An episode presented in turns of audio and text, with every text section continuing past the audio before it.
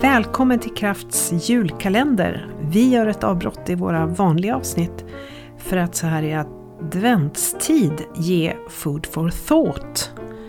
Eh, det blir ett avsnitt om dagen, ungefär 7-12 minuter. Det kan variera lite beroende på ämne och lust här i Kraftpodden. Eh, men på det här enkla viset så skulle vi vilja ge lite ny energi och kanske lite tankeväckande insikter eller frågor för dig. Och eh, vi hoppas att eh, du som lyssnar ska tycka att det här inspirerar och vi vill samtidigt passa på att önska dig en riktigt fin decembermånad. Och så småningom en riktigt god jul och ett gott nytt år. Välkommen! Lucka nummer fyra i Krafts julkalender. Ett gott te kräver en stunds bryggning. En riktigt god espresso är ofta gjord av en omsorgsfullt rostad kaffeböna. Mald kanske också med precision. Det är många steg i processen till en god espresso. Ett surdegsbröd blir bara mustigare av några dagars vila, inte minst om det är ett på råg.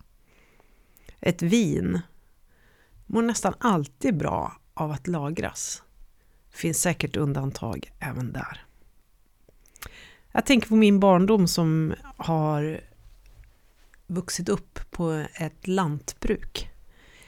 Och där lärde jag mig att en åker blir mer näringsrik om den får ligga i träda. Och den svenska regeringen, den hade, har jag för mig, om jag minns rätt, då fick bönderna en, eh, de fick något bidrag för att lägga åkrar i träda. Kommer faktiskt inte riktigt ihåg varför. Men det är bra för marken att få vila, samla ny näring. Eh, helt klart. Eh, det där med att allting måste ske på en gång. Det är någonting som ökar, både med, tycker jag, att det är slutet på terminen, vi är i december. Och det vi ännu inte har gjort den här terminen sedan semestern avslutades, det ska ske nu efter jul. Och så blir det mer och mer bråttom.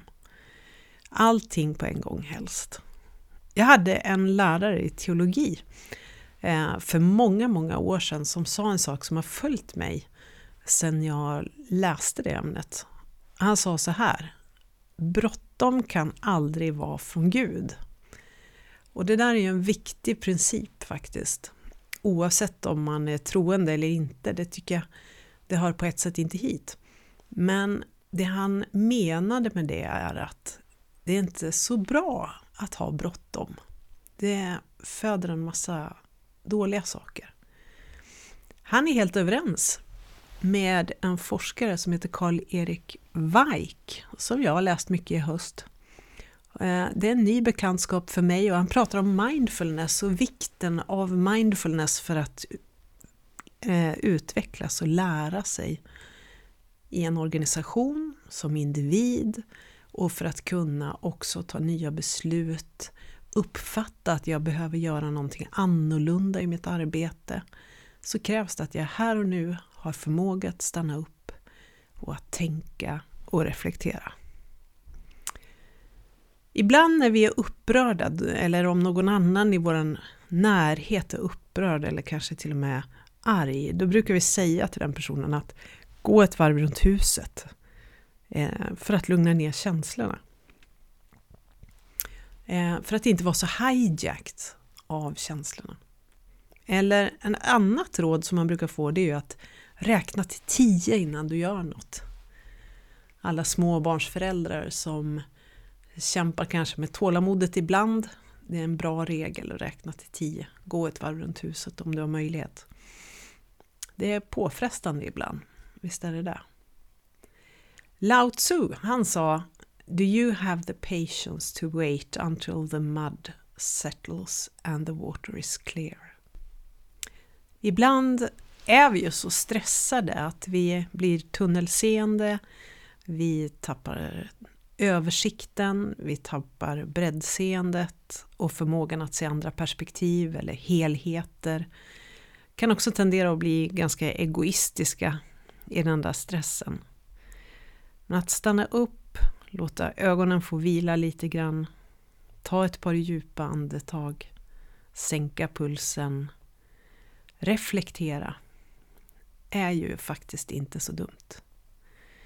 Jag tror att det är en princip att ta med sig i sitt ledarskap och i medarbetarskap naturligtvis också. Och inte minst nu i decembertid. Allt kanske inte måste ske med en gång. Bråttom är inte från Gud. Eh, varför inte behålla lugnet istället? Jobba på metodiskt. Ta en sak i taget. Den där påminnelsen, bråttom är inte från Gud, den har följt mig. Välja metodiskhet. En sak i taget. Det är klokt. En god espresso. Den har en omsorgsfull process bakom sig. Metodisk. Ett gott te har en stund av bryggning. Ett gott surdegsbröd har fått vila. Vad behöver du göra idag för att vara ditt bästa jag?